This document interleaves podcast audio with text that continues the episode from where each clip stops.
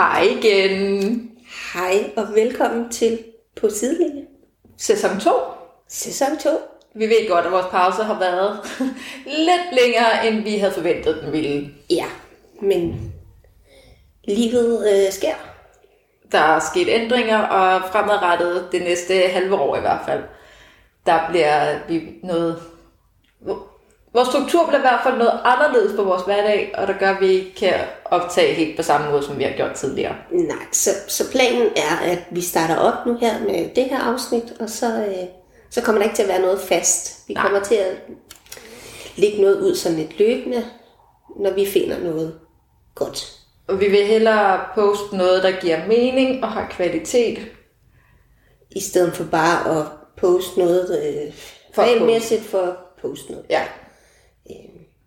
Så vi er tilbage, Ja. men med en lidt anden struktur. Ja. Og øh, i dag har vi en gæst med. Vi, som vi har glædet os rigtig meget til at snakke med. Meget.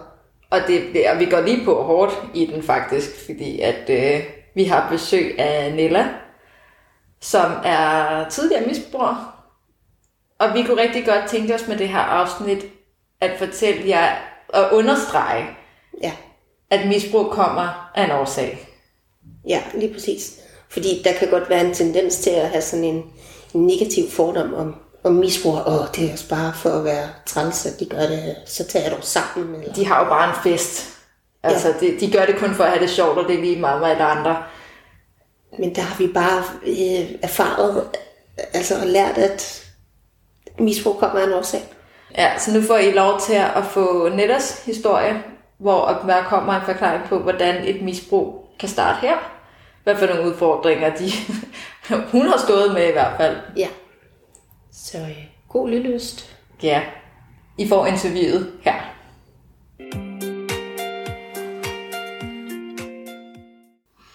Hej, velkommen til Nella. Ja, velkommen til. Tak. Vi kunne rigtig godt tænke at have et afsnit med dig i dag. Og vi ved jo godt, hvorfor vi gerne vil snakke med dig, men vi kunne også godt tænke os at høre om, hvorfor du har sagt ja til at være med i det her afsnit. Mm. mm. Jamen, det er også lidt spændende. Øh, grunden til, at jeg sagde ja til det, det er fordi, at jeg blandt andet kommer i NA, og har svært ved at dele til NA-møder, øh, fordi det er mega skræmmende at have øjne på. Og jeg synes egentlig, jeg har en del ting med i min bagage, der kan gøre, at det kan inspirere andre, om ikke andet så give forståelse til pårørende, hvordan det er at være misbruger. Og det er jo lige sådan noget, vi søger. Fuldstændig. Ja. For det er jo en podcast for pårørende. Præcis. Jamen, som vi ved omkring dig, det er jo, at du er tidligere misbruger. Du har 808 dage som clean. Mega sagt. Og ja, tillykke med det. Mm. Tak, tak. Men vi kan godt tænke os at høre om, hvordan din opvækst har været, hvad der har været grunden til, at du har fået det her misbrug, og hvad du har gjort for at komme ud af det igen, og hvordan dit liv ser ud nu. Så jeg vil gerne starte med at høre, jeg ved jo personligt, du er ikke her fra Danmark, ikke født her. Så hvornår kom du, hvornår kom du hertil? Og hvorfra? Jamen, øh, jeg kom til Danmark som seksårig, hvor at, øh, at jeg er halvt dansk og halvt brasilianer. Min mor er fra Brasilien, mm. og født og opvokset der sammen med to brødre og min mor. Men du er opvokset med din mor og dine brødre her i Danmark. Hvad med din far? Jamen altså, de første seks år af mit liv, der boede vi i Brasilien med min mor og to brødre, og min far, som var dansk, og han rejste jo meget for Mærsk, mm. og var dybt alkoholiker. Øhm, så når han kom hjem til os i Brasilien, så var han jo max aktiv. Så ham så vi jo egentlig ikke rigtigt. Så jeg har en opvækst, der hedder, at min far var der, men min far var der alligevel ikke. Mm. Øhm, som treårig flytter min far til Danmark, fordi han bliver alvorligt syg af hans misbrug, og organer begynder at svigte. Og det gør jo så, at han flytter tilbage til, Mer- eller til Danmark. Og tre år senere kommer vi til Danmark. For at skulle bo sammen med ham? Nej, for at besøge min moster, der boede her i Danmark. Og her var vi i et par måneder, hvor vi så rejste tilbage til Brasilien. Og lige pludselig ud af den blå, kort tid efter sin min mor du går ind og pakker din taske. Og det har hun aldrig sagt til mig. Så tænkte jeg, hvad pokker går det ud på? Og så siger hun så, jamen vi skal tilbage til Danmark. Så jeg pakker mine barbedukker i den her taske her og tænker, haha, alt det andet legetøj, det kommer jeg jo hjem til igen. Men det gjorde jeg så bare ikke. Fordi den del, hun glemte at fortælle os, det var, at vi blev i Danmark, og vi skulle bo her i Aalborg. Mens min far, han boede på Sjælland. Mindre detalje, hun lige udelukkede der. det. Ja. Og så ikke engang, I skal bo med Nej, din far. præcis. Nå. Det, vi øh, boede i en lille treværelses lejlighed de første halvt år øh, herinde, i, øh, herinde i byen øh, med min moster, hendes mand og hendes datter. Min moster hun var meget psykisk syg, øh, så det var rigtig, rigtig svært, fordi vi var fire børn, der skulle bo inde på et værelse, der nok svarede til 8 kvadratmeter. det er ikke særlig meget bedst. Nej. Øh, så mig og mine brødre, vi lå på gulvet på dyner, fordi der var ikke madrasser. Min kusine, hun skulle selvfølgelig ligge op i sengen og sove sin egen seng, fordi det var vigtigt, at hun fik en god nattesøvn. Ja. Så der blev rigtig meget for, altså forskelsbehandlet der, kan jeg huske. Øh, Jeg går ud fra, at du heller ikke engang kunne sproget. ej, jeg kunne intet dansk, overhovedet intet. Øh, det eneste, jeg kunne forstå på dansk, det var, åh, hold kæft. Nå, Fordi det brugte min far rigtig tit. okay. Ja, okay. Ja, så, men, men sådan helt konkret, hvad det betød, var ikke 100% Ah, du tryg ved. Men, men jeg havde en, en idé om, hvad, hvad det faktisk godt kunne betyde. Mm. Så ja, det var en svær opstart øh, Så tænker jeg, hvad, hvis du har været omkring de seks, kan det passe? Ja, jeg så var var det jo lige omkring skolestart. Ja, det var det. Og det var en kæmpe udfordring at starte i skole og nyt kultur. Mens jeg boede i Brasilien, der havde vi jo masser af familier. Mm. Øh, der passede os, altså min mor, efter min far han flyttede, der så vi hende jo faktisk stort set ikke. Jeg tror, jeg har fire barndomsminder af hende i de første seks år af mit liv. Øh, og har en masse af mine mormor og familiemedlemmer og sådan noget. Jeg er egentlig blevet opdraget af mine kusiner, som faktisk stadigvæk er børn på daværende tidspunkt. Øh, Vildt. ja, Ja, det, det var sådan, ja, okay. Du sagde, at din far var alkoholiker. Mm, Hvad så med din mor? Havde hun lidt... Øh...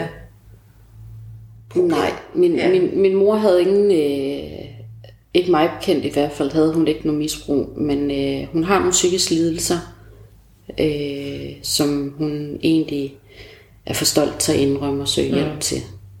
Hun er sådan en, der synes, at og mener, at det er alle omkring hende, der fejler noget, og ikke vil tage ansvar. Så i bund og grund kan man sige, at jeg voksede op med to forældre, der ikke vil tage ansvar. Så jeg kan høre, at din mor hun var ikke nem at vokse op med. Nej, det vil jeg ikke lige frem påstå. Hun får i hvert fald ikke titlen som årets mor. Nej. nej. Jeg vil sige, trods min far, der var alkoholiker, så han faktisk altid mere, altså han har altid været mere forældre for mig, og vist mere omsorg og kærlighed for mig, end hvad min mor har gjort. Det er faktisk virkelig skræmmende. Det er Især meget. jeg bor på den anden del af landet. Ja, Ja. han gav mig mere tryghed, og det var ham, der egentlig var der for mig mm. over en telefonsamtale. Ikke? Altså, det, det er den kærlighed, jeg har fået under min opvækst. Okay, jeg kan godt se, at vi begynder at lægge nogle grundsten for, hvorfor der muligvis kunne komme en misbrug op at stå her. Nå, det, det mener du Ja, det synes jeg godt nok lidt. Det... Ja. Men helt konkret, hvornår startede dit... Øh, hvornår begyndte du at finde ud af, at der var noget, der var rusmidler, alkohol? Jamen det er jeg jo egentlig altid vidst, fordi min mor har jo aldrig lagt skjul på, at min far har jo misbrug. Nej. Øh, og det har min far faktisk heller ikke. Og jeg vokset op i et hjem, hvor min mor hun har bandet og svoglet og svinet min far til og kaldt ham udulig og ikke mand nok, øh, når han sad med flasken i hånden. Og samtidig har jeg haft en far, der har fortalt mig, at jeg skulle aldrig røre alkohol, fordi det var noget, djævlen havde skabt. Ja. Øh, og han ønskede mere for os, men at han valgte at drikke, fordi at han havde det svært. Øh, Så han brugte det som medicin mod sin Ja, smerte. det gjorde han, og det har han faktisk aldrig lagt skjul på. Og sidenhen, mens at jeg voksede op og skulle til at ramme teenagealderen og sådan noget, så var han egentlig også god til at informere mig omkring hans misbrug, og hvor ked af det han har det. Og at jeg må for guds skyld ikke røre alkohol og tage stoffer og alt muligt. Men det er jo virkelig sådan lidt altså, misvisende, hvis han så sidder med en flaske i hånden ja. samtidig, ikke? Og det tilstod han jo også, som det var, at han vidste godt, han havde ikke ret. Men han prøvede at være et forbillede for mig, og fortælle mig, at Hør, hvad jeg siger. Gør ikke, som jeg gør. ja, Ja. præcis. Som, så, og et eller andet sted hen, selvom at jeg den dag i dag også dengang synes det egentlig, det var vildt fucked. Og jeg tænkte, hold kæft, man, nogle brændte forældre, jeg har. Så samtidig så kunne jeg faktisk heller ikke lade være med at tage hatten af for ham. Og respektere ham for det. Mm. Fordi at jeg kender så også andre, altså under hele min opvækst har det jo været med misbrugere. Enten venner eller deres forældre. Så som misbrug har egentlig bare været, jamen det har faktisk bare været en ekstra rygsøjle for mig. Som jeg egentlig bare er født med. Og Det, det har altid været der. det har altid været der. Jeg kender ikke til andet. Nej. Øh, Og så tænker jeg, det som ved du også den her danske kultur, hvor det er, at vi, vi er ikke blege for at drikke igennem. ej. der er en sulteflaske i hånden på hver dansker nærmest. Ja, men det er der, der bliver drukket igennem. Så jeg tænker, det var heller ikke fordi, at du er, der var opbakning til, at du ikke skulle drikke. Hvis, Der var faktisk kun en opfordring. Jeg kan huske som 8-årig, der øh, havde min mor lyst til en øl. Men øh, så kaldte min mor på mig, og jeg kom ind til hende. Jeg har jo altid fået lov til under hele min opvækst, og sådan kunne jeg få en tår, hist og pist jo. Så, så jeg var jo ikke ret gammel første gang, jeg fik en tår øl, kan jeg huske. Mm. Altså, og som 8-årig kan jeg huske min mor, hun kom, og så siger hun så til mig, jeg har sådan lyst til en øl. Og det synes jeg, det virker sådan meget atypisk, fordi hun havde jo altid svinet min far til at have sagt, din skide alkoholiker, og du bare ulækker klam, ikke? Og så lige pludselig siger hun så til mig, jeg har sådan lyst til den øl her. Hvor jeg siger til hende, jamen, kan du bare drikke en så? Hvor hun så siger, nej, det kan jeg ikke. Fordi hvis jeg drikker en øl alene, så vil andre mennesker tro, at jeg er alkoholiker. Og nej, jeg har en forventning om, hvor det her vil være. Ja, og jeg tænker, det er man jo ikke, hvis man bare drikker én. Hvor jeg så siger til hende, jamen så lad være med at drikke en øl. Og så siger min mor til mig, jamen hun havde sådan lyst til det, men om jeg vil have et halvt glas øl, Jeg, jeg vidste bare det. fordi så kunne vi jo lige nyde en øl sammen. du er ude. Jeg er 8 år gammel. Fuck sake, altså. Ej, nej, Øh, nej. Og jeg tænker mit, og igen, jeg er jo ret gammel, så, så der går jo bare en masse tanker rundt op i mit hoved. Men i bund og grund, så synes jeg sgu bare fedt, man. Jeg kan få lov til at drikke bajer Ja, ja. som 8-årig. Det kan mine venner ikke. Så ja, selvfølgelig vil jeg da det, fordi så kunne jeg gå til mine venner og prate med, at haha, jeg har bare fået lov til at drikke øl. Det må I ikke for jeres forældre. Fordi endelig, så havde jeg faktisk noget at kunne få lov til at opleve noget, som mine venner ikke havde. Fordi jeg var jo egentlig altid den, der gik i mangel på oplevelser mm. og ting og sager. Ja. Så nu havde jeg noget, jeg kunne dele og fortælle og føle mig vigtig omkring. Så jeg drikker det her halvt glas øl, og som 8-årig, og jeg vejer sgu 35 kilo eller sådan noget, tror jeg, så slår det altså godt nok hårdt. Ja, det, Så, så det var faktisk som 8-årig, var faktisk første gang, jeg sådan oplevede at have en skid på. ej, hvor er det vildt. Ja. Og jeg husker, at jeg var bare mega festlig. Og jeg kan da tydeligt mærke, at jeg havde fået noget at drikke der. Så jeg smutter, fordi jeg havde jo travlt. Jeg skulle fortælle mine venner det. Mm. og jeg kommer hjem igen efter et par timer. Da jeg kommer ind ad døren, der kommer min mor med den største flad og banker mig sådan ind i hovedet, som i hovedet det flyver direkte ind i vægen. Og så råber og skriger hun af mig, men hvor jeg havde været henne, og nu havde jeg for satan da ikke været nede i dussen, nede på skolen. og sagde jo, det er jo, altså alle mine venner, de går jo i dus. Jeg skulle jo ned og snakke med dem. Mm. Jeg vil jo ikke fortælle hende, at jeg skulle ned og prale. Og hun blev simpelthen så galt på mig, og troede mig med, at nu ved kommunen og kom og fjerne mig, fordi at jeg lugtede jo af øl, og jeg var jo sådan lidt beruset måske også, øh, fordi det var første gang, jeg sådan havde fået så meget øl. Øh, så, så hun var jo bange. Fordi det gik jo op for hende, at hun havde jo faktisk gjort noget, som egentlig ikke var skidesmart. Nej, nej. Det. Men i stedet for at tage ansvar og undskyld og ikke gøre det igen, så fik jeg en flad, der gav mig en kæmpe stor hovedpine i et par dage. Og så fik jeg skideball for, at jeg havde drukket øl og så gået ned på dussen. Ansvaret blev pålagt mig. Du er 8. Ja. Jeg er 8 år gammel. Og det var ikke første gang, og det var bestemt heller ikke sidste gang, min mor hun serverede øl for mig. Fordi det blev faktisk sådan en rutine. Nogle gange kunne det blive tre gange om ugen. Og da jeg var omkring 10, der kan jeg huske, jeg sagde til hende, da hun kom og spurgte mig, skal vi dele en øl igen? Hvor jeg siger til hende, nej, det vil jeg ikke. Fordi en halv øl, det gjorde jo ikke noget. Du er allerede blevet... Jeg er allerede vennet mig Så du blev ikke påvirket af den halve øl længere? Nej, Nej. det gjorde jeg ikke. Øh, så jeg gjorde faktisk krav på at få en hel øl. Fik du det så?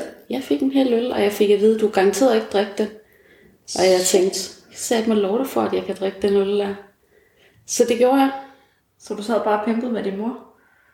Nej, det gjorde jeg jo så faktisk ikke, fordi det starter med, at min mor, hun står ude i køkkenet de første par gange, og drikker det her halvt glas øl med mig, og er festlig og glad, og jeg kan huske, at der mærker jeg jo faktisk, at min mor, hun har mig en interesse.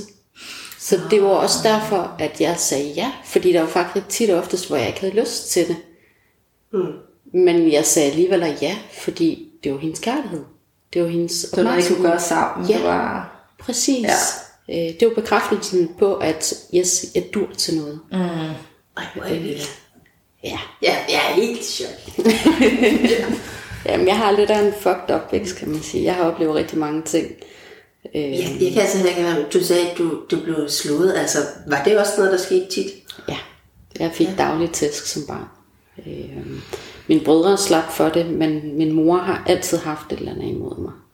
Okay. Jeg er blevet slået med bælte og grydeskære, og jeg har fået banket tænder løs, og ja, Er der nogensinde nogen udefra, der har Ja, fået noget af det?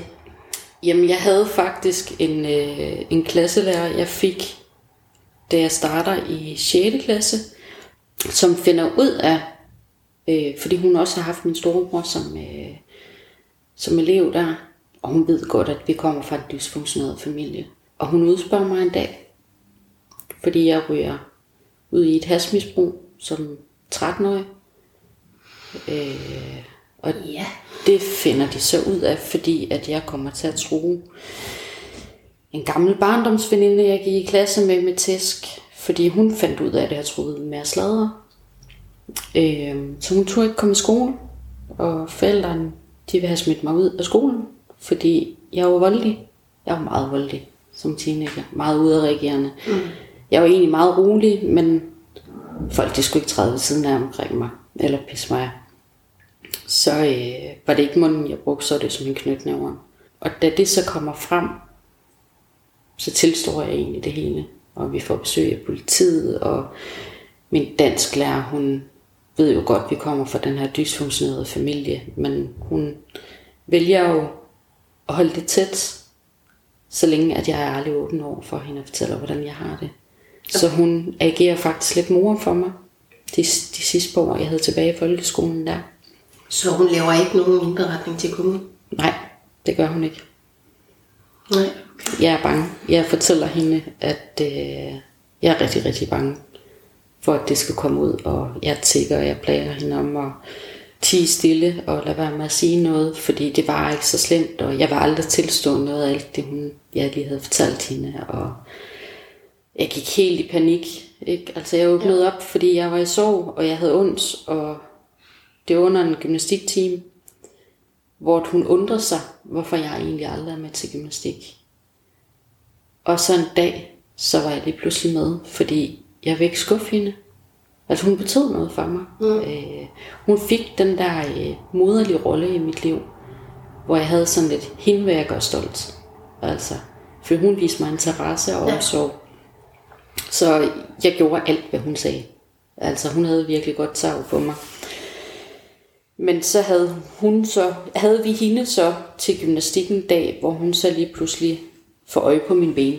Da jeg er ved at klæde om i rummet ved siden af, kommer hun til at gå ind. Vi havde sådan aflukket rum til egentlig muslimer, nu når de skulle idræt, fordi de ikke måtte klæde om sammen os. Og der kommer hun til at gå ind i det, at jeg er ved at klæde om. Og der er jeg faktisk sådan godt mærket til på min ben. Fordi jeg blevet tæsket med et bælt af min mor. Ja. Okay, ja. Og der kom sandheden frem. Og hun vælger faktisk ikke at sige noget. Og i mange, mange år, der holder hun sin mund og egentlig arbejder for mig. Så der kommer aldrig en underretning. Det er vildt. Ja. Ja. Ja, også som, som vi sidder her. øh, Jeg er, over, jeg er overrasket, og det undrer mig. Men som jeg sagde til hende, jeg var ikke hjemme, og jeg trives. Og hun kunne jo se, at der begyndte at ske forbedring i min karakter. Øh, jeg laver ikke lektier. Altså, Så hun tænkte ikke, at du skulle væk fra det hjem. jo, det tænker jeg nok, hun gjorde. Altså, Men jeg hun tror samtidig- underretning. Nej, Altså, Nej. Det, det er jo en anden snak. Ja, Det var også 20 år Ja. siden. Ja, og der skal man så også huske, som stadigvæk eksisterer den dag i dag, udlandske familier, der kommer fra udlandet, der kommer til et nyt land, mm. kulturschok. Mm. Måden vi lever på i udlandet er jo langt fra måden vi lever på her i Danmark. Mm. Ja. Og det danske samfund accepterer jo de udlandske familier og måden de lever på. De prøver at støtte og vejlede, men udlandske familier har jo ikke de samme krav af det danske system, som danskeren har Nej. af det danske system. Var din mor nogensinde bange for at få en underretning? Ja, det var hun mange gange. Jeg troede rigtig mange gange med, at jeg ville lave den. Når du selv ville lave den? Ja, jeg bad flere gange om at komme på børnehjem. Øh, Og plejefamilie?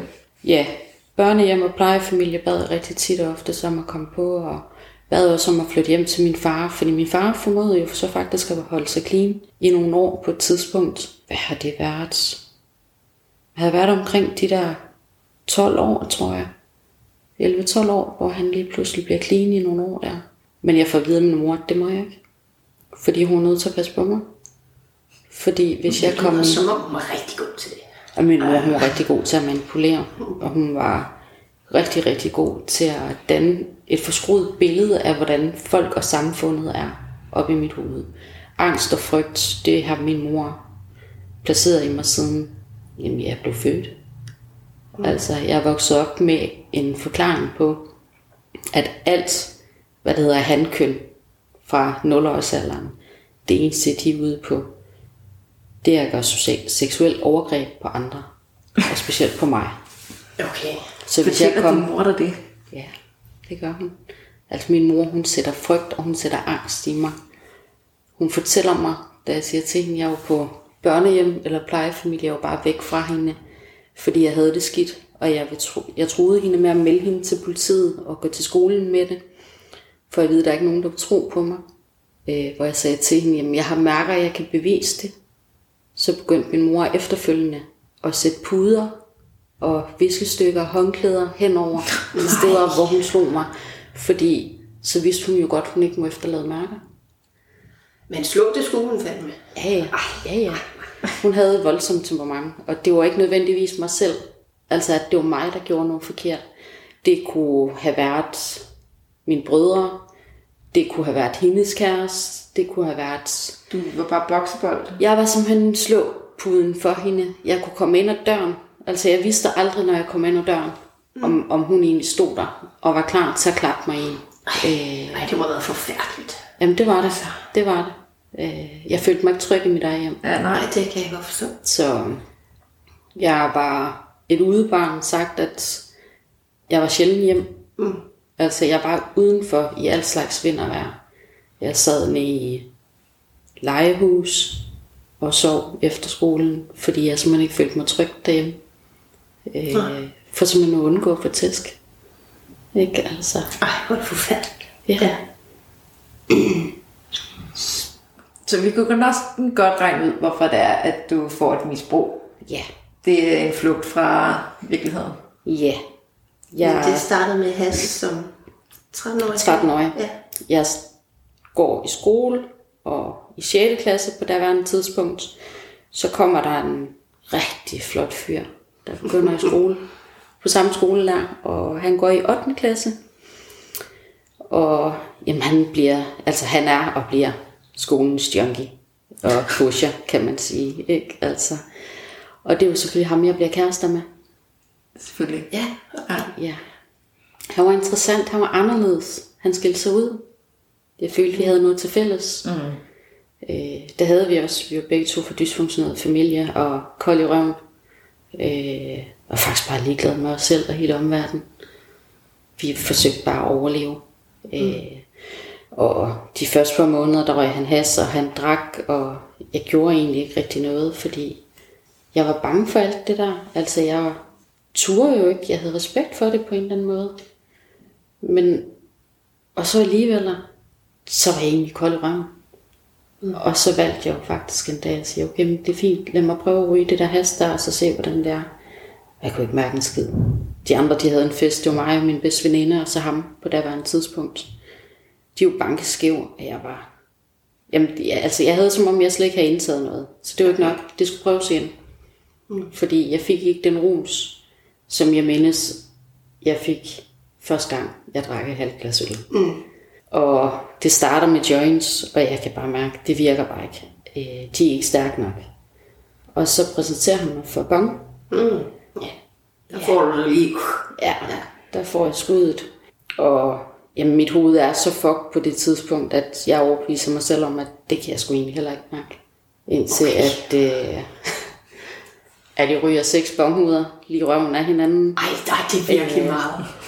Ja, det fandt jeg ud af, da jeg kom udenfor, fordi der blev bare smækket med en dør i hovedet. Jeg kan ikke se en skid, og vi løber rundt og leger fangelej, og jeg er ved at blive kørt ned, og vælter rundt i min egen ben, plus at jeg også var fuld og havde drukket noget, så Amen, jeg var, altså, Det er helt galt.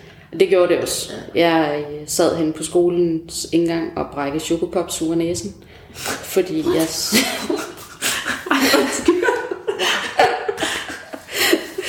ja, det var, det var vildt.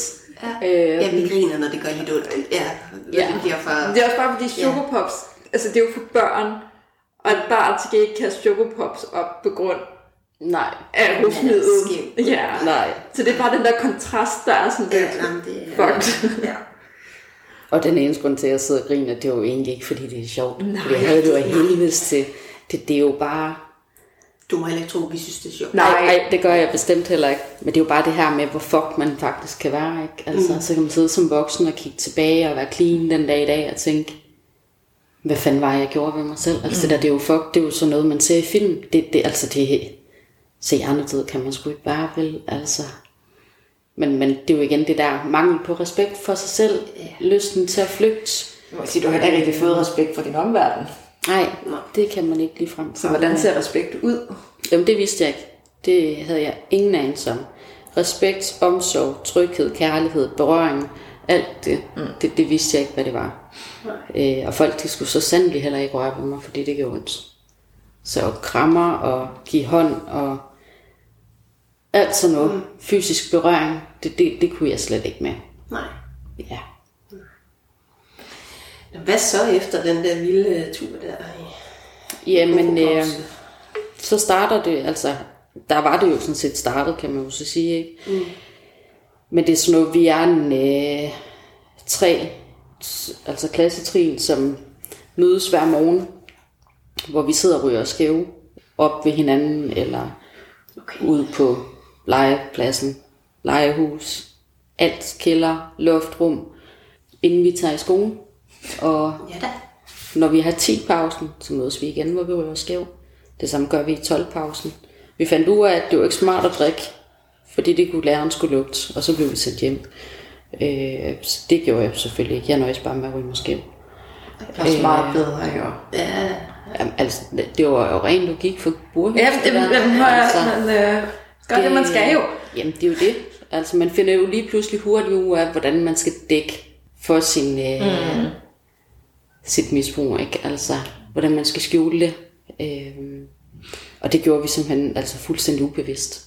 Ja. Det, det er jo ikke, fordi vi søgte måder at, at lære at skjule det på. Vi er jo egentlig bare fuldstændig uansvarlige med det. Både ved at misbruge, men egentlig også på at holde det skjult. Fordi det tænkte vi egentlig ikke over. Det er bare så I kan få fred til at fortsætte. Ja. Ja. Men altså, det var før skole, 10-pausen, 12-pausen, efter skole.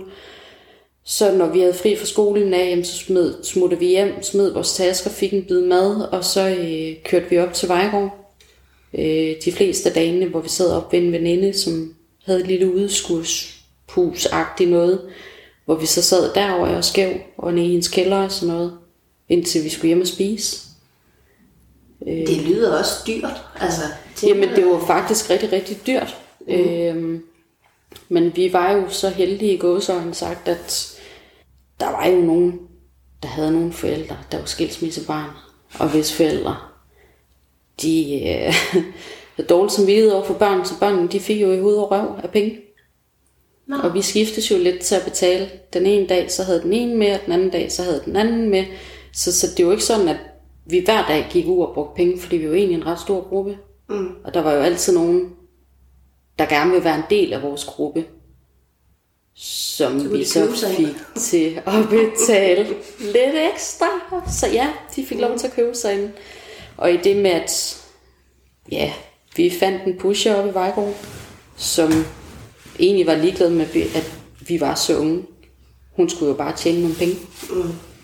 Så begyndte vi at forhandle os til, at vi fik faktisk flere gram, end hvad vi betalte for.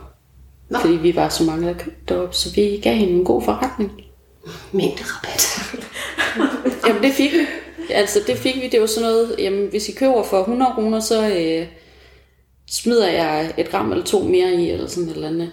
Øh, og dengang der kostede, hvad, 35-40 kroner for et gram, eller sådan noget, og det var nok også højst sandsynligt dyrt, kunne jeg forestille mig i det med, at vi ikke var ældre. Vi var jo ligeglade med, hvad det kostede. Vi betalte jo bare. Ja, ja. Så I vidste jo tydeligvis ikke bedre. nej, der er garanteret også noget lort, vi røg. Øh, Men var det bare sådan, det foregik i nogle år? Jamen, det foregik i to år, indtil vi blev bustet og fik besøg af politiet på skolen, der skulle sidde og fortælle os, hvad has det var, og hvad bongen det var, og hvor hjernedød vi var, og ja, give os en skideball og dårlig samvittighed. Men jeg var kold. Altså, jeg var iskold, jeg sad og løg hele vejen igennem. Jeg røg ikke, og jeg drak ikke. Jeg havde prøvet at ryge has et par gange, men så var det også det. Ej, ikke også. Øh, og jeg bossede ikke. Jeg kan huske, de ville have, at jeg skulle fortælle, hvem det var, der var med i den her gruppe her. Og jeg nævnte to navne.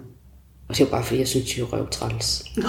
Jeg ville bare gerne have de flyttet skole, kan jeg huske. Altså, det, det var de eneste, jeg bossede som mig selv. Okay. Og så var det egentlig det. Det var det, der blev gjort ved det. Ja, Ja. det var Okay. det. Så du fortsatte bare... Det gjorde jeg faktisk ikke efter den samtale med politiet, fordi jeg var faktisk rigtig, rigtig bange for min mor.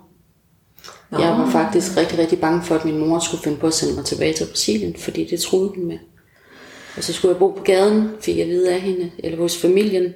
Og der var garanteret en mand, eller en bror, eller en fætter, eller et eller andet, der var voldtaget mig.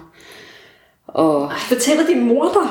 Ja, og så får jeg at vide af min mor, at, øh, at det kunne godt være, at jeg kunne bo hos familien, men jeg skulle jo selv ud og tjene mine penge. Og i det med, at jeg ikke var ældre og havde en uddannelse, så var det jo så nok sådan noget med, at, øh, at rigtig mange piger i Brasilien, de, det, det er jo ikke unormalt for dem, at de prostituerer sig selv til udlandske mænd for at tjene penge. Øh, Bliver Så- du opfordret af din mor, eller er det en trussel? Jeg tror simpelthen, det er en trussel. Jeg tror ikke, min mor hun opfordrer mig. Jeg tror, min mor hun forsøger at tage magten over mig. Hun manipulerer mit hoved. Mm. Frygt er hendes form for, øh, for opdragelse. Respekt, det tror hun, hun opnår ved frygt. Vi skal frygte hende. overhovedet ikke sammen. Overhovedet Nej. Så jeg tænker, at det er frygt, hun forsøger at skabe i os. Eller i hvert fald for mit vedkommende mig. Retter du så lidt ind? I grund Det, jamen, frygten. det gjorde jeg jo i det omfang der, fordi hvem fanden har lyst til at blive voldtaget? Ja. Altså, øh, og samtidig så ved jeg jo, altså, så er der også et eller andet, der siger mig, at hun er jo hjernedød, det kvindemenneske der. Øh, jeg har ingen respekt for min mor, og det havde jeg heller ikke under min opvækst. Nej. Men jeg frygtede det, fordi hun havde magten over mig. Hun var min mor. Og hvis hun sendte mig til Brasilien, så kunne jeg jo ikke modsige det. Jeg kunne ikke gøre noget. Jeg kunne ikke nægte det, fordi jeg var jo barn. Ja. Ikke? Altså, så jeg vidste jo ikke bedre. Hun var jo min rollemodel og den voksen. Ja. Så jeg burde jo kunne stole på hende, men det vidste jeg jo godt, jeg ikke kunne. Men samtidig så var det også sådan lidt, hvornår taler hun sandt? Ja. Og hvornår kan jeg protestere og gøre modstand? Og hvornår hedder det bare kæft, trit og ret? Ja. Det var sagde ikke været nemt at navigere i. Nej, Hvornår man skulle hvad? nej, nej. Og det var også derfor, jeg ikke, øh, jeg ikke kunne være hjemme. Nu ved jeg jo så, at du har en datter, der bliver voksen med. Ja, Så det betyder også, at du er blevet ret tidlig uh, mor. det gjorde jeg. Hvordan uh, gik uh, misbrug og mor hånd i hånd? Ja, det er fandme et godt spørgsmål. Det kan jeg også undre mig over. Var, du misbruger, da du fik? Altså, jeg var ikke aktiv, nej. Altså, jeg møder faren til min datter som 15-årig. Og på daværende tidspunkt troede jeg jo, at han var sund og rask mm. for mig. Fordi jeg kendte jo ikke bedre, og det jeg kom fra, kunne jeg ikke selv se, at han kom fra en dysfunktioneret familie, og også havde nogle dysfunktionerede sider i sig. Øh, Hvad gav han så dig?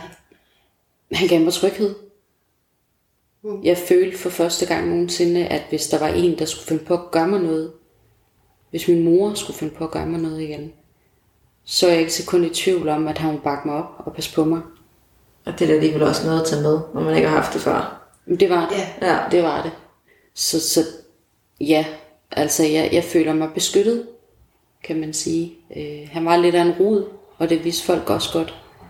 Så folk havde jo respekt for ham. Så derfor så fik, følte jeg en tryghed i ham. At så var der ikke sket mm. noget med mig. Jeg følte jo lidt, at han var ham, der skulle redde min, mit liv. Ja. Så som 18-årig, altså jeg bliver smidt ud hjemmefra som 15-årig, øh, og flytter ind sammen med ham og hans far, hvor de egentlig tager hånd omkring mig og forsørger mig, og det er egentlig hans far, der tager hånd omkring mig. Jeg falder til ro, og han misbruger, men det måtte jeg så sandelig ikke, fordi selvom han gav mig en indre ro, så den dag i dag, så kan jeg jo også godt se, at det gjorde han jo faktisk ikke. Jeg havde bare stadig min mor, men en yngre fyr, der var fem år ældre end mig. Han prøvede at kontrollere dig. Han kontrollerede mig. Han mm. prøvede ikke bare, men han ja. kontrollerede mig. Jeg mister alt venskab. Øh, jeg bliver meget ensom og ængstelig og holder mig clean. Ikke fordi jeg havde lyst til det, men fordi jeg faktisk frygtede for, hvad han vil gøre ved mig. Og jeg får også at vide, at jeg måtte ikke tage noget, jeg måtte ikke drikke, jeg måtte hverken det ene eller det andet. Jeg skulle bare indordne mig efter hans regler og hans rammer. Okay. Øh, Så du skifter ja. jeg skifter min mor ud Ja. Ja. med som sagt en yngre model og en mandlig Ja. udgave af min mor, kan man jo sige. Og det har faktisk taget mig mange år, før jeg finder ud af, at det er faktisk det, jeg har gjort. Jeg tror først, jeg var midt i 20'erne, sidst i 20'erne, da jeg finder ud af det. Okay. Ja. Ja, stærblind kan man snakke om. Så du bliver gravid. Jeg bliver gravid som 18-årig, får min datter som 19-årig, stadigvæk clean. Der begynder det at gå op for mig. Jeg har et lille væsen, der skal passes på. Ja. Øh, jeg har altid vidst, at jeg gerne vil være mor, og i en ung alder, fordi jeg vil have en stor familie. Jeg have det her kærlighed, og det her tryghed og omsorg, jeg aldrig nogensinde har haft, som jeg egentlig altid har set i de her film her, som jeg har været helt fascineret af. Og det gør, at jeg begynder at tænke mig om, og jeg begynder at, at finde ud af, hvad fanden gør jeg, hvordan kommer jeg væk fra det her. Fordi jeg havde jo ikke lyst til at være i det. Jeg havde ikke lyst til at være sammen med ham, fordi jeg var faktisk bange for ham. Det, det, altså, ved at få min datter, der gik det lige pludselig op for mig, at jeg var bange. Ja. Og jeg vil give hende et bedre liv, end hvad jeg egentlig selv har, givet, altså selv har fået. Ja. Og hvis jeg blev hos ham, så vil jeg trække min datter igennem fuldstændig samme lort, som jeg har været igennem. Og måske endda også værre. Eller måske ikke lige så slemt, men det vil være nok mm. til, at jeg ikke synes, at det skulle hun ikke udsættes for. Mm. Så jeg går faktisk på en, på en daghøjskole på daværende tidspunkt og får noget psykologhjælp på daglig basis og sådan noget på grund af min opvækst. Øh, og de er faktisk mega gode til at lytte til mig. De hjælper mig med at ansøge en ny lejlighed, og det hele det bliver som man nærmest gjort sådan helt undercover. for at komme væk fra ham.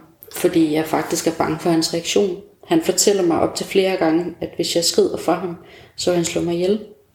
Wow. Øhm, så min mor, hun også bare med at fortælle mig, at jeg blev voldtaget. Her hun de til at slå mig ihjel. Fordi hvis ikke der var nogen, hvis ikke han kunne få mig, så var der ingen andre, der skulle have mig. Hvad? Ej. Ja. Så, så, så jeg lever jo faktisk i, I konstant frygt. Ja. i konstant frygt hele tiden. Alarmredskab, det kører bare på. Altså jeg, jamen, jeg lever bare i frygt, altså. ja. Forståeligt. Ja. Og jeg får tilbudt en lejlighed. Ikke ret mange gader væk fra ham. Øh, og jeg takker ja til den. Fordi jeg vil bo nede i det kvarter, som jeg boede i. Og det er jo et bevidst valg, fordi det var tæt på alt, og det var her, jeg egentlig følte, jeg havde det godt, og mine venner og familie og sådan noget. Hvordan gik det så? Jamen, det gik ikke så godt. Det gik faktisk overhovedet ikke så godt. Øh, fordi det første år til halvanden efter, at jeg flytter, der bliver jeg chikaneret, jeg bliver forfulgt, og jeg oplever både psykisk og fysisk vold af ham. Øh, han bryder ind i min lejlighed, øh, mens jeg ligger og sover, gemmer sig, og jeg har bare lyst til at dø. Jeg kæmper og kæmper og har politiet på besøg. Du har også lille barn. Det har jeg nemlig, mm. og jeg er mega bange for, at han skulle finde på at gøre hende noget, og gøre mig noget. Mm. Jeg havde politiet på besøg tre til fem gange om ugen, på grund af ham, hvor de kom med udrykning, og han overfaldt mine gæster, og brød ind i min lejlighed, mens de var der, øh, fordi jeg havde fået en kæreste, som han ikke kunne acceptere. Ah. Fordi der var som sagt ikke nogen, der skulle have mig. Øh, Hvor sygt. Helt vildt. Ja, og jamen det ender så med, at politiet siger til mig, giv det et halvt år. Det er typisk det, der sker for jer unge mennesker. De, de jo faktisk ikke gør noget. Giv det, giv det tid. Det skal, Ja, giv det Lad os lidt se, tid. bliver til. Og jeg siger til politimanden, der er gået et år. Det er over et halvt år. Og jeg siger, "Jamen, prøv lige at give det lige lidt mere tid, så ser vi på det. Så siger jeg, jeg føler mig slet ikke hørt eller noget som Nej. helst. Og jeg kan mærke, at jeg synger og synger. Altså jeg synker længere og længere ned i en depression. Øh, angst, frygt. Mm. Altså jeg er bange for at gå udenfor, mens der er mørkt. Jeg er generelt faktisk bare bange for at bevæge mig ud for min dør. Jeg er bange for at være i min lejlighed. Fordi jeg kunne have gæster. Jeg har ingen anelse om, hvordan han vidste, at jeg havde gæster. For lige så kunne han skrive til mig, du kan godt få det svin der ude af lejligheden. Okay. Så jeg følte jo, altså jeg boede på tredje sal, Okay. hvor jeg havde sådan, hvordan, hvordan kunne han vide, han var heroppe? Hvordan, altså andre gange så det jo slet ikke ham. Ikke? Altså, så så det bare en veninde eller et eller andet. Men så, så det gjorde, at jeg følte, at jeg var nødt til at rulle mine patienter ned. Mm. Fordi jeg kunne ikke være, altså jeg var ikke tryg nogen steder. Det var lige meget, hvor jeg var hen, så følte jeg mig ikke tryg. Og alt det, det gjorde jo simpelthen bare, at jeg havde brug for at flygte. Og jeg røg tilbage til Hassen, begyndte at drikke, når jeg ikke havde min datter. Og til så kom Hassen ind i billedet igen, hvor det også var, mens jeg ikke havde min datter, altså hvor hun var på weekend hos ham, fordi det kunne jeg ikke forhindre ham i, fordi han er jo, vi havde fælles forældremyndighed. Øhm, og det starter stille og roligt op, for det bare er til en enkelt fest, og så, jamen, så bliver det til lidt oftere og lidt oftere, og jeg ved jo godt, jeg kan jo ikke sidde og være skæv, mens jeg har min datter, og det har jeg heller ikke lyst til, fordi hun skulle jo have et bedre liv, end jeg har haft. Men når hun så kom i seng, så kunne jeg godt finde på at give mig til at ryge mig skæv, fordi jeg kunne ikke sove. Jeg kunne ikke være i mit eget skin. Altså, jeg var urolig. Jeg kunne finde på at spørge min mor, om hun kunne tage hende i nogle timer, eller til en overnatning, fordi jeg simpelthen bare havde brug for at få slukket mit system. Fordi, for det hele. ja, Ja. jeg blev meget selvmordstruende, øh, ja. fordi jeg ikke kunne være i det. Kom så langt derude, at jeg fik skrevet en farvelbrev Okay. til både min datter og... Ja, nu bliver jeg sgu. Ja. Det kan jeg godt forstå. Og det er helt okay.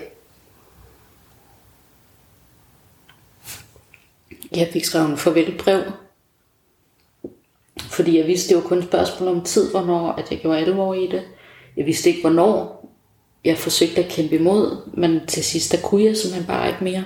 Jeg havde bare lyst til at dø. Jeg synes ikke, det var et værdigt liv. Øhm, og flygte hen til stofferne, det hjalp jo ikke. Det forværrede faktisk bare situationen for mig, kan jeg huske. Øh, følelserne de blev kraftigere, og jeg havde mig selv for det, fordi jeg havde jo ikke lyst til at misbruge. Men jeg vidste ikke, hvad alternativ jeg ellers havde. Hvis jeg gik til lægen, eller jeg gik til kommunen og fortalte, hvordan jeg havde det, så var jeg bange for, at de ville tage hende fra mig. Det var også det, du har Ja. hørt jo. Ja. Præcis. Det er helt... Øh... Ja. Øhm. Men ja. Og da han sidste gang brød ind i min lejlighed, der står jeg faktisk med kniven for, Nej. ja, og er faktisk klar til at gøre det. Øhm. Fordi der kunne jeg ikke mere. Altså det, det var, jeg druknede. Og jeg kaster knive efter ham og siger til ham, at han skal holde sig væk. Fordi jeg følte mig jo ikke tryg nogen steder. Altså jeg havde simpelthen fået en psykose. Havde overfaldt ham ind i byen, fordi jeg fik nok. Øh, jeg, jeg kunne ikke mere. Jeg forsøgte at gøre modstand, fordi jeg følte, at han angreb mig. Og det gjorde ondt. Selvom at han stod på afstand og angreb mig, så føltes det som om, han stod direkte på huden af mig. Øh, så øh, der gik det op for ham, tror jeg, hvad det var, han gjorde. Og der begyndte han faktisk at stoppe med at genere mig. Okay. Øh, Han fandt ud af, at det, grænsen var dertil. det gjorde han. Både ved, at jeg slog tilbage, og at jeg kastede de knive efter ham, og han så, hvor hysterisk jeg faktisk var med kniven foran både for struben og håndledet, og troede med at stikke mig selv i maven, og ja, Kæft, hvor er det forfærdeligt. Og, og, men jeg sidder og tænker, kæft, hvor kan jeg virkelig godt forstå, at du har bare været så frustreret. ja, Altså, det, Man kommer så langt Hvordan- ud. ja. Altså, det er jo... Jamen, jeg fatter ikke, at jeg lever den dag i dag. Altså, det gør jeg virkelig ikke. Fuck. hold da kæft. Jeg har sgu ikke ondt af mig selv. Men, Det, det har jeg. jamen, det skal du ikke have. det har skabt mig til den, jeg er den dag i dag. Jeg vil selvfølgelig gerne være foruden, men, men det har været med til at styrke mig, og det har været med til, at, at jeg har kæmpet for at komme ud af stofferne den dag i dag. Altså, jeg kan forestille mig, at du har fået en kæmpe styrke af at være landet så langt ned også. Det har jeg. Fordi den vej til at kæmpe sig op igen, er ikke for, for svage mennesker. Og det skulle godt nok ikke for pussies. Hvordan søren fik du kæmpet her? Ja. Tænker jeg bare. Jamen, jeg vil ønske, at jeg havde en forklaring til det, men det har jeg ikke. Fordi jeg undrer mig selv over det samme. Jeg tror bare, jeg hang i. Altså, jeg havde bare sådan... Jeg vil leve. Jeg vil have det her lykkelige liv. Jeg vil være fri. Jeg vil gerne have det der, som jeg sidder og ser på de der Film. film, yeah. man ser. Altså, både Askepot, hun fik sgu prinsen til sidst, og fik lov til at leve lykkeligt. Ariel mm. gjorde kraftigt også det samme, og hun den havfru, ikke også? Altså, yeah. bum bum, hun fik ben, så kunne hun gå. Hvor jeg havde sådan lidt... Det fandme ikke var rigtigt, at jeg blev sat til jorden. For at skal gå igennem lidt helvede og ikke opleve noget, der er godt. Altså, min datter har været styrken, og jeg tror, hun har reddet mig. Mm. Fordi havde jeg ikke haft hende, så havde jeg været død.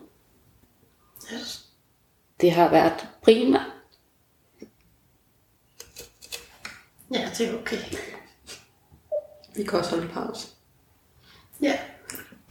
Lad os det. Øhm, Vi har lige holdt en lille pause, ja. og vi er klar til at tage den op igen nu. Vi kom fra, at der skulle, der skulle ske noget andet. Du var i bunden, du havde bedøvet dig selv. Du skulle have det bedre. Ja. Og hvordan fik du det? Fik du egentlig snakket med din mor om, at du havde et misbrug? Ja, det gjorde jeg jo. Min mor vidste jo godt allerede det som barn jo. Mm. Øh, men hun tog det jo ikke for noget. Øh, min mor opfor, har altid opfordret mig til at drikke og sådan noget. Jo. Øh, fordi hvis jeg drak, så fik jeg det jo bedre med mig selv. Jeg har haft løbende perioder, hvor jeg har været meget depressiv. Og der opfordrede min mor hver gang til, at jeg skulle gå i byen, og jeg skulle feste med mine venner, og det var det, der skulle hjælpe mig ud. Det var at finde mig en ny kæreste, og gå i byen og drikke, få flere børn. Havde en forskruet forhold til, hvad et lykkeligt liv det var, min mor. og hvad man gjorde for at hjælpe sig selv. Øhm. Og jamen, da jeg var omkring de 28, der blev præsenteret for koken, øh, hvor jeg faktisk godt kunne mærke, at det fungerede sgu bedre for mig. End at holde skæv og ja, drik. og drik. Det, det kunne jeg godt mærke, at, at det blev til mit prima stof, og jeg kunne ikke få nok af det. Altså, det var lige meget, om jeg havde gram, så blev det suget i løbet af no time. Eller om jeg havde 3 gram. Altså, det var aldrig nok. Jeg ville have mere og mere og mere. Altså, jeg vil sidde med suger i næsen hele tiden, hvis jeg kunne få lov til det. Wow. Øhm, Ja, det er meget. ja, det var det. Men det virkede bedre, og det gav mig en livsglæde, som egentlig mindede om den, jeg så i fjernsynet, som jeg egentlig gerne vil have i min hverdag. Men dagen efter, og flere dage efterfølgende, det var et helvede. Altså, det var et mareridt for mig. Mm. Øhm, jeg kunne mærke, at jeg hungrede mere og mere efter det. Men havde du det egentlig fedt, når det var, du misbrugte? Nej, det havde jeg ikke. Jeg havde mig selv for det, og jeg skammede mig, og jeg havde ikke lyst til det, og jeg fattede ikke hver gang, når jeg indtog noget, hvorfor jeg gjorde det, og mm. hvorfor jeg blev ved. Men det var hele tiden en jagt efter at slukke mine følelser, Ja. og ændre mit liv, og være ligeglad. Øh, jeg gjorde det, fordi jeg egentlig gerne ville have følelsen af, at jeg var ligeglad. Altså Men blive det- fri for al den her... Alt det, ja. gjorde ondt. Alt Ja, det helvede, alt smerter og helvede og sorg og alt, hvad er negative følelser, og prøve at fremprovokere en positiv følelse. Men når du så havde tømmermænd fra det her, blev det så ikke bare tifoldigt-agtigt? At- det kan jeg slet ikke gøre det. Nej. Altså så kom skammet, så kom sorgen, så kom ja. rasen, og så kom den følelse af at være udulig, og tankerne om, at man ikke har lyst til at leve mere, blev bare tusind gange værre. Og så tager man lige noget mere for at slippe af for den, og så... Det gør man, fordi hvis ikke jeg tog mere, så var det der, hvor jeg begyndte at planlægge mit eget selvmordsforsøg. Ja. Ikke? Altså begyndte at google på, hvordan den mest sikreste måde det var at begå selvmord. Øh, jeg begyndte jo lige pludselig at forske i, hvad fanden jeg skulle gøre, nu når jeg sådan virkelig blev ramt af følelsen og tanken, og, og jeg egentlig mandede mig nok op til at faktisk at kunne gøre det. Så jeg jo for stor en kylling at kan gøre alvor i det, og jamen, jeg samlede på kræfter Ja. ved at tage noget. For at have mig selv mere og mere. I håb om, at en dag, så kom jeg dertil, hvor jeg faktisk kunne gøre alvor i det. Og det, er jo- det, er jo, det er jo... Det er sygt. Ja, ja, for ikke at have bedre for det. Ja. Men hvornår blev nok så nok? Altså, Jamen nok, det blev for mig dengang, da at jeg lige pludselig en dag, vi har haft nogle familieproblemer, som gjorde, at jeg var nødt til at tage afstand fra min familie. Fordi jeg kunne mærke, at det gjorde mig mere syg, end mm. de egentlig hjalp. Øh, jeg forsøgte, som sagt, som 28-årig, at henvende mig til min mor og fortælle hende omkring mit coke-misbrug, og at jeg var nødt til at få hjælp og opbakning fra familien af. ja, det er lige præcis. Men øh, min mor, hun synes jo, at det var flovt, og jeg burde skamme mig over, at jeg faktisk kom og fortalte hende omkring mit misbrug, fordi det var ikke et behov, hun havde for at få at vide. Hvad? Og min bror, han, øh, han forstod jo faktisk godt, at jeg havde brug for at slukke mine følelser, fordi det kendte han jo godt selv til. Og din øh, bror er også misbruger. Ja, han er deltidsmisbruger og sagt, at når han er sammen med familien, så indtager han jo ikke noget, mm. men han er rejsemontør. Okay. Så han er mere ude, end han er hjemme. Øh, ja, så Så der var ikke støtte for at stoppe. Men, Nej, men der var faktisk- en støtte til at fortsætte. der var faktisk en opfordrende. Der var en accept omkring, at jeg bare skulle fortsætte. Altså. Jeg fortalte min storebror, at jeg stoppede med at tage antidepressiv, og at jeg havde fundet ud af, at så var det bedre og i has, fordi at vi blev jo faktisk pænt og godt og grundigt enige om, at antidepressiv er kemikalier. De slukker mine følelser fuldstændig, så jeg slet ikke kan mærke mig selv. Og hassen, det er jo mere naturprodukter. Og Naturmedicin. det Naturmedicin, selv ja. kontrollere. Øh, så, og, og det var jo ikke på daglig basis, at jeg røg der. Det var, når jeg havde brug for at flygte, og jeg har haft en hård uge. Så havde jeg jo god grund til, at øh, jeg kunne belønne mig selv med at ryge mig en lille fed på. Og så havde jeg det jo godt, og så kunne jeg kæmpe videre i nogle dage igen. Indtil at jeg så kunne gå igen. Så det hele det er jo tilrettelagt med hvornår, og hvordan og hvorledes, og hvad tidspunkt er hvor meget. Ja, det skulle vel også passe med, når du ikke havde... Det skulle det nemlig, så, så det, var, det var et meget kontrollerende forhold, jeg fik til stoffer. Øh, jeg stoppede selvfølgelig med koken der øh, for en periode. Og så øh, for to år siden, to og et halvt år siden, opstod der nogle konflikter i familien, som gjorde, at jeg mistede mig selv fuldstændig. Og nogle traumer i min barndom poppede frem i mig, som jeg var nødt til at få hjælp til, men jeg vidste ikke, og jeg turde ikke. Og mm. jeg var jo ret bange, fordi jeg jo ikke dykkede ned i den fortid igen. Nej. Øh, altså følelserne. Ja, minderne. følelserne og minderne, der poppede frem. Mm. Der var ting og sager, som egentlig var gået op for mig, jeg var blevet udsat for, mm. som jeg egentlig havde troet, det var en drøm, øh, som viser til, at det faktisk var virkeligheden. Øh, ja. Det gjorde jo, at jeg skrev et min misbrug. Jeg blev ligeglad igen med mig selv. Jeg fik et selvmordsønske igen. Jeg var ikke selv bevidst om det. Jeg begyndte at ryge has igen. Havde en daværende kæreste, der også var misbruger, som havde rigtig svært ved at hænge fast. Og forstå, at der var altså et bedre liv. Han mm. ønskede det ikke bedre for sig selv. Så, så det hele, det var bare noget fucking lort. Altså, øh, jeg kunne ikke se noget positivt i det. Jeg kunne lige pludselig ikke se, altså det positive. Det eneste positive, jeg havde i mit liv, må jeg hellere sige, det var mine børn. Ja, for du fik et barn mere. jeg fik et barn mere. Jeg fik en skøn lille dreng på 11 i dag. Ja, det gjorde jo simpelthen bare, at følelsen af skam overtog min krop fuldstændig. Mm. Så jeg følte jo, at jeg havde svigtet alle og alt om mine børn, og jeg var ikke et godt menneske, og jeg fortjente det godt, og jeg ødelagde deres liv af, fordi de havde en mor, der var syg, og de fortjente bedre, og det bedre kunne jeg ikke give dem. Så derfor så skrev mit misbrug fuldstændig.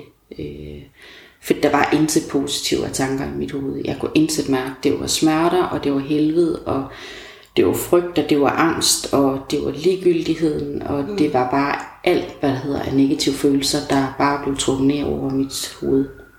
Øh, det lyder virkelig heller ikke rart. Mm. Det var det bestemt heller ikke. Så jeg starter jo stille og roligt med hasten igen. Og begyndte at komme til de her privatfester, hvor det hele det var legnet op på tallerkener, og det var bare at tage selv bord på det groveste. Så forret, Ja, det var det. Det var forret, hovedret, aftensmad, eller hvad det hedder, desserten, og maden og natmad. Og det endte jo så med, at jamen, jeg mistede jo alt form for respekt for mig selv, og jeg var ligeglad, som sagt. Mm. Så jeg indtog jo bare, uden at vide, hvad det var, jeg tog. Og det blev bare oftere og oftere, og fik afsat mine børn, og havde det helvedes til, og når jeg fik nok af at have det helvedes til, jamen, så tog jeg en tur mere, og det blev bare oftere og oftere, til sidst så begyndte jeg at ryge has på daglig basis. Øh, når sønnen var i skole, og når han kom hjem, så sørgede jeg for, at jeg i hvert fald ikke var bankeskæv. Fik sovet lidt, inden han kom, og når han blev puttet hjem, så gik der en times tid, så sad jeg bare triplet, altså helt vildt i en time, fra at putte ham til før, at jeg stod ude på altanen og røg mig skæv igen. Kunne stå op om natten for at gå og ryge mig skæv, fordi det hjalp mig jo ikke til at sove. Det, det gjorde jo faktisk bare, at mine følelser de blev bare værre, og mine tanker blev værre. Men jeg blev ved med at hungre efter den her, bedøv mig nu for helvede. Altså, og det skete det bare ikke. Og jeg får kommet til lægen, og jobcenter rykker i mig, og jeg kan ikke komme i arbejde, og jeg kan hverken det ene eller det andet. Jeg bliver faktisk bare totalt handicappet og mm. ugidelig, og kan ikke se noget som helst positivt, og er egentlig bare klar til at dø.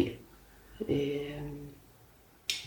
Og der har jeg en mega god rådgiver, der sender mig videre til sådan en selvhjælpensgruppe for at få tage hul omkring min fortid og de traumer, nogle af de traumer, jeg har været igennem. Og da jeg kommer til møde hos de her to skønne damer, så spørger de mig efter, om jeg har PTSD. Og jeg siger, det ved jeg ikke. Altså, der er ingen anelse om det. Og jeg var egentlig også bare et eller andet sted bare pisse ligeglad. Og så alligevel så var jeg, for jeg gik hjem, og så læste jeg op på PTSD.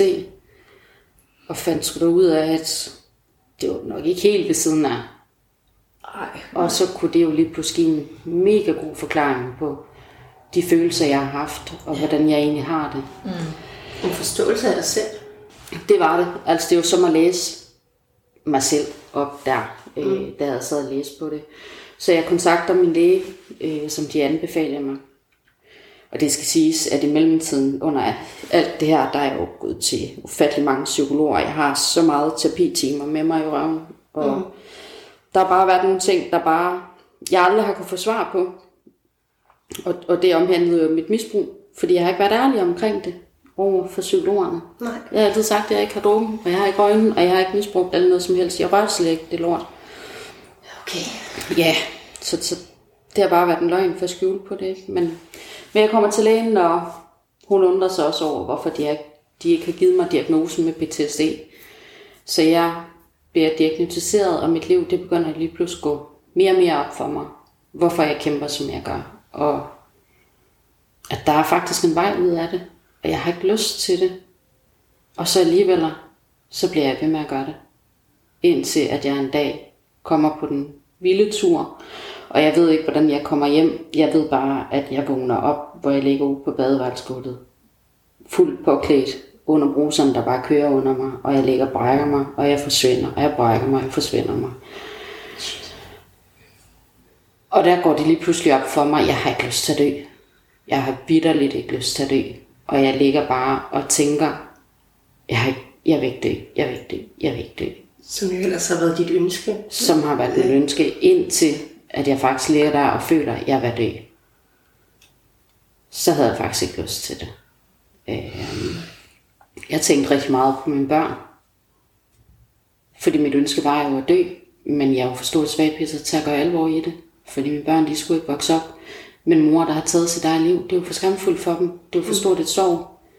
Men hvis jeg nu bare kunne tage en overdosis, fordi det var egentlig det, jeg jagtede. Mm. Det, det var at dø af en overdosis, fordi så er det en ursa. Så var det ikke dig, der aktivt havde gjort det, så var det... Ja, det var stofferne. Det var nogle andre, der fik mor til at dø. Og så lå du der næsten et eller andet sted måske. Ja. Havde opfyldt ønsket.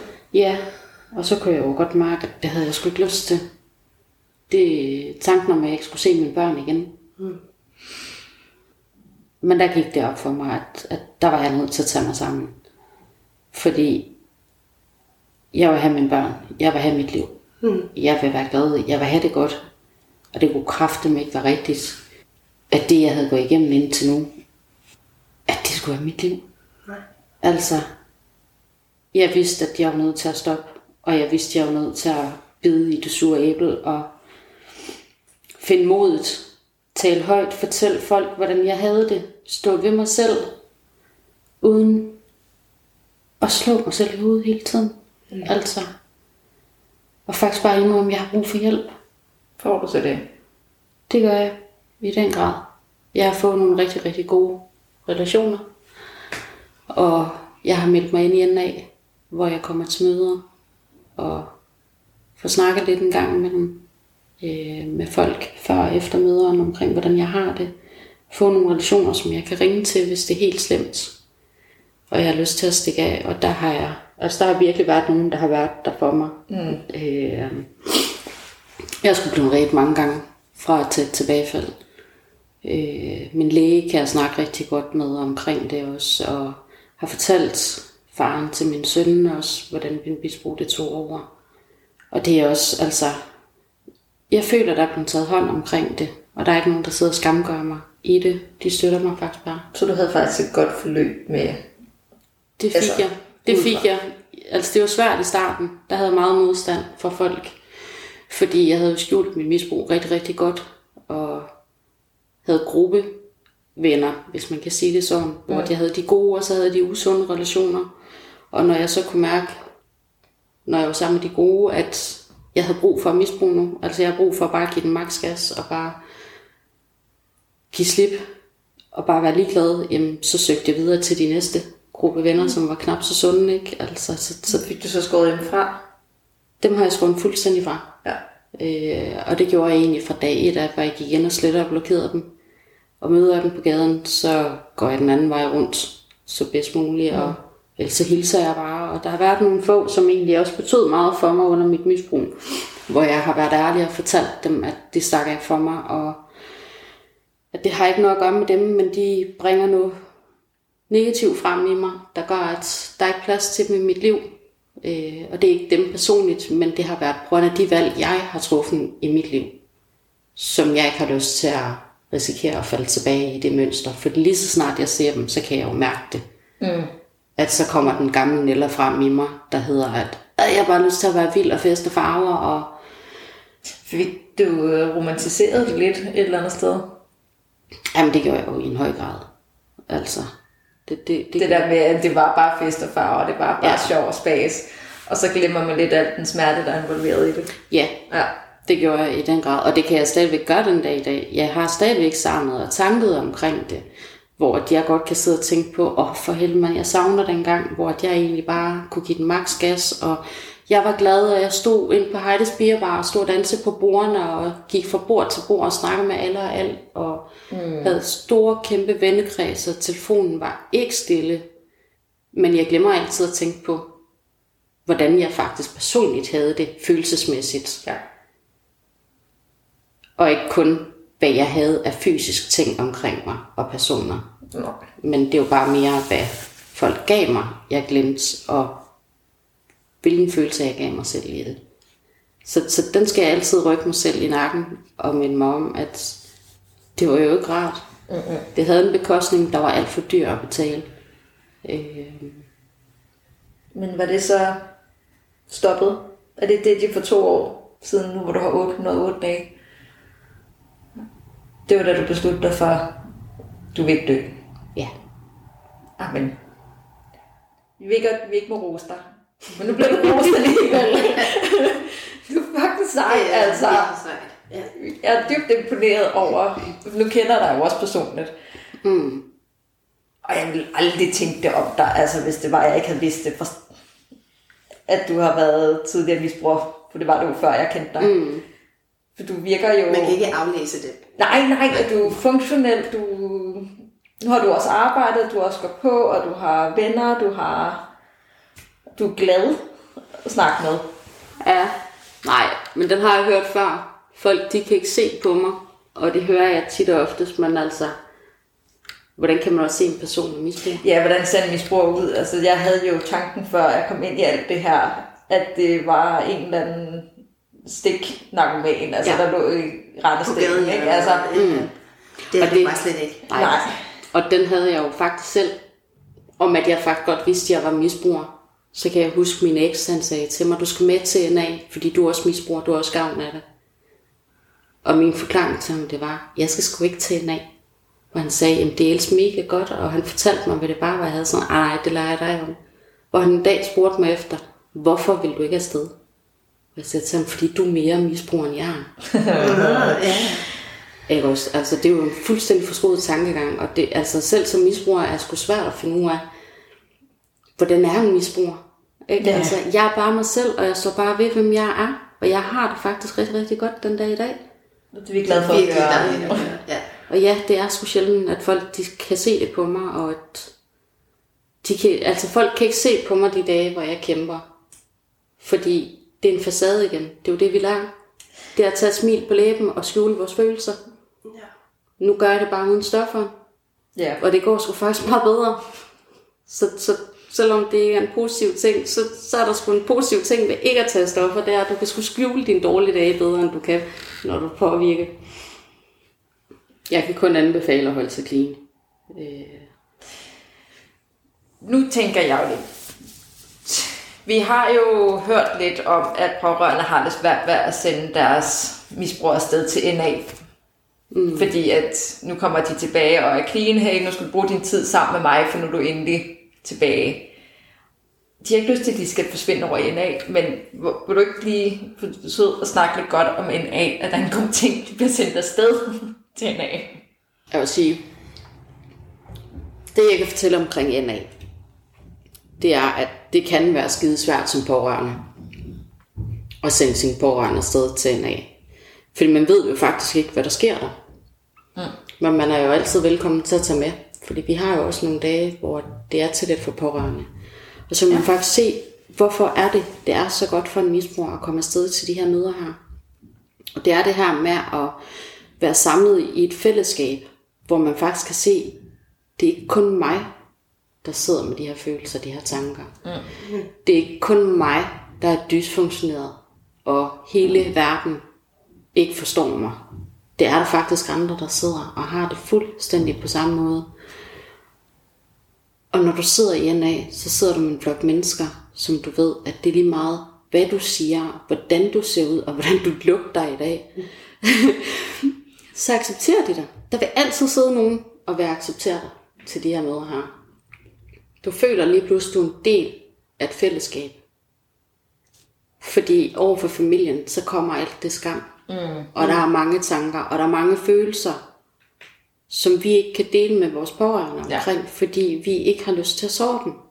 Vi har ikke lyst til at fortælle dem, at bare fordi vi faktisk er clean, og vi ikke tager noget, så betyder det jo ikke, at vores dysfunktionerede hjerner ikke stadigvæk spænder ben for os. Nej. Vi render stadigvæk rundt med nogle åndssvage tanker, som virkelig kan sætte noget, altså nogle spørgsmålstegn, usikkerheder frem i vores partner og familie. Øh, men i NA, der kan vi lukke ud omkring det, og så kan vi komme hjem med et smil på læben. Det er jo også det, jeg har oplevet med, med, med Kenneth. Det var også det der med, at han måske har været frustreret, kommer han til NA, får snakket ud om det, Ja. og så kan han komme hjem til mig og så snakke om det, fordi nu har han lige fået det ud Præcis. i et sikkert forum. Nemlig, og jamen bare det her med at komme afsted og føle, at det er okay at være mig. Ja. uanset hvor fucked up nogle valg, jeg stadigvæk kan finde på at træffe i mit liv, så er det bare stadigvæk okay være mig.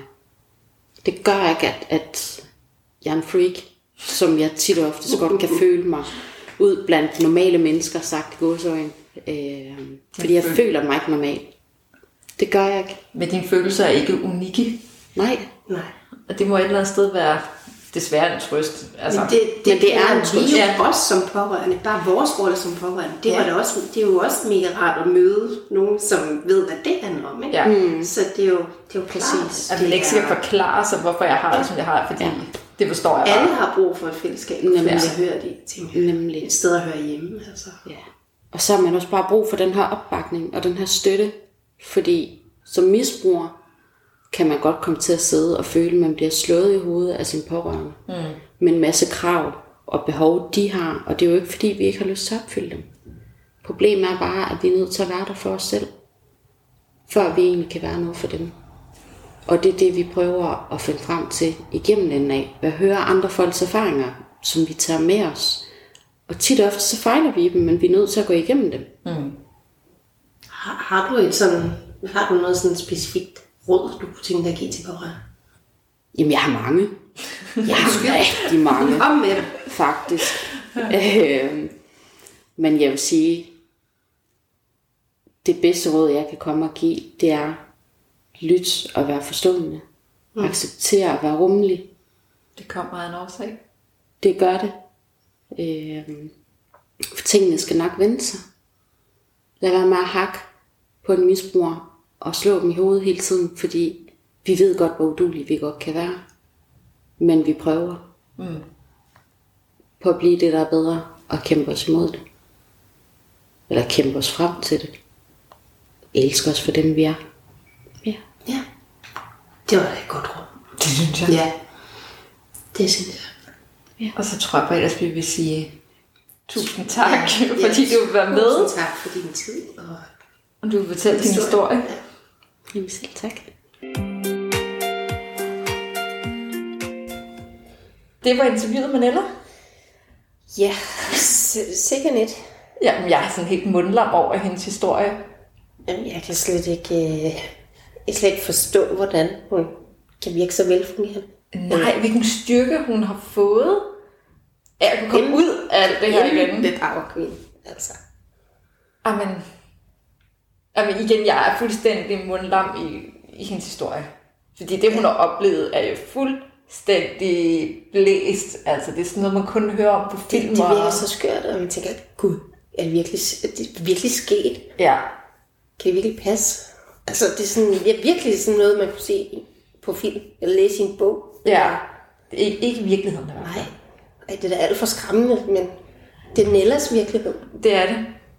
Og- hun er kommet fra det, og så hvor hun er nu. Man kan jo ikke have andet end respekt for den kvinde. Altså, Nope. Nej. Jamen, jeg, jeg håber, I derude har lyttet til det her, for sidder med, med forståelsen af, at det kommer ikke af ingenting. At det er en, en flugt fra, fra, fra virkeligheden, fra sine følelser, fra, som Nella hun også siger, jeg, jeg skulle slukke for mit hoved. Ja, en, en, en flugt fra det, der gør ondt, ikke? Jo. Altså, fordi det, var, det gjorde for ondt at være til stede. Og det er jo også det, vi hører fra nærmest Det andre historier om hørt for- misbrugere. førhen. Også vores egen mm. pårørende. Ikke? Det kommer af en årsag. Ja. Og Det er det, ligesom budskabet i den, den her episode. Og det er jo det, vi håber, I tager med. Fordi igen, det her, det skal handle om de pårørende. Men det kræver også, at pårørende et eller andet har et sted en forståelse af, at deres misbrugere, at de gør det ikke, fordi det er super fedt. Så de netop også kan være støttende og, Og, og, være og at- hjælpe deres. og sætte med god samvittighed i NA for eksempel. Eller i behandling, eller selvom det er træt at skulle undvære dem.